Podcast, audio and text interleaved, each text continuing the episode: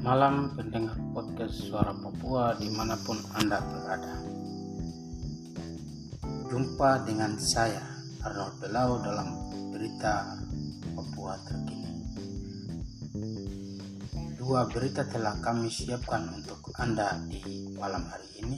Di antaranya, pemerintah Provinsi Papua setuju rencana daerah pemekaran daerah otonomi baru Papua Tengah dan kedua mengungsi sejak Desember 2019 delapan warga asal Intan Jaya meninggal di Kabupaten Nabire.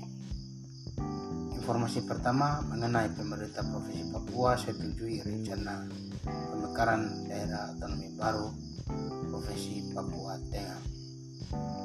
Wakil Gubernur Provinsi Papua Clementinal mengatakan bahwa pemerintah Provinsi Papua setuju rencana pemekaran Provinsi Papua Tengah.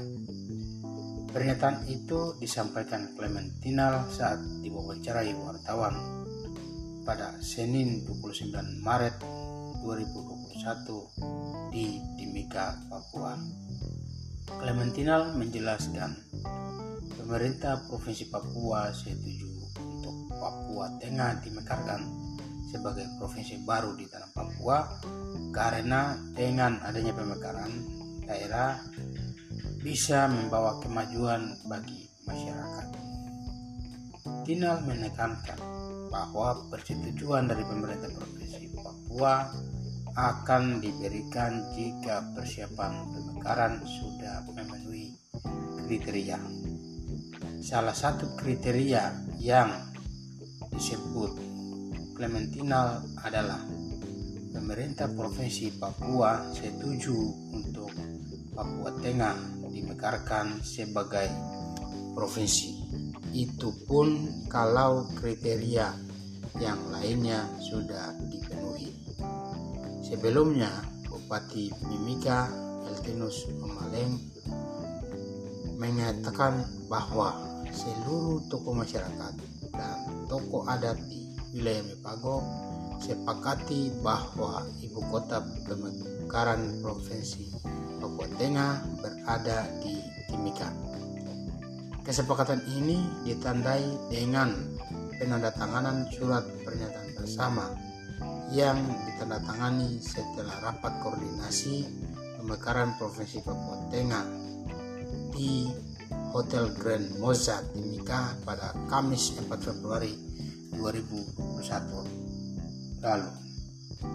Kesepakatan ini kemudian ditandatangani oleh Bupati Mimika Eltinus Amaleng, Bupati Puncak Papua William Bandik, Wakil Bupati Puncak Papua Belinus Balinal, Wakil Bupati Intan Jaya Yan Kubogayau, Ketua DPRD Mimika Robi Umaleng, Ketua DPRD Puncak Lukis Galem, toko masyarakat, toko adat, lembaga adat, toko perempuan, dan toko pemuda di wilayah adat Mepago. Selanjutnya, informasi selanjutnya mengenai delapan warga Intan Jaya yang meninggal di Kabupaten Nabire. Sebanyak delapan orang asal kampung Dukusiga meninggal di Nabire selama mengungsi ke Nabire sejak Desember 2019 hingga saat ini karena konflik bersenjata antara aparat militer Indonesia dan TPNPB di Kabupaten Intan Jaya, Papua.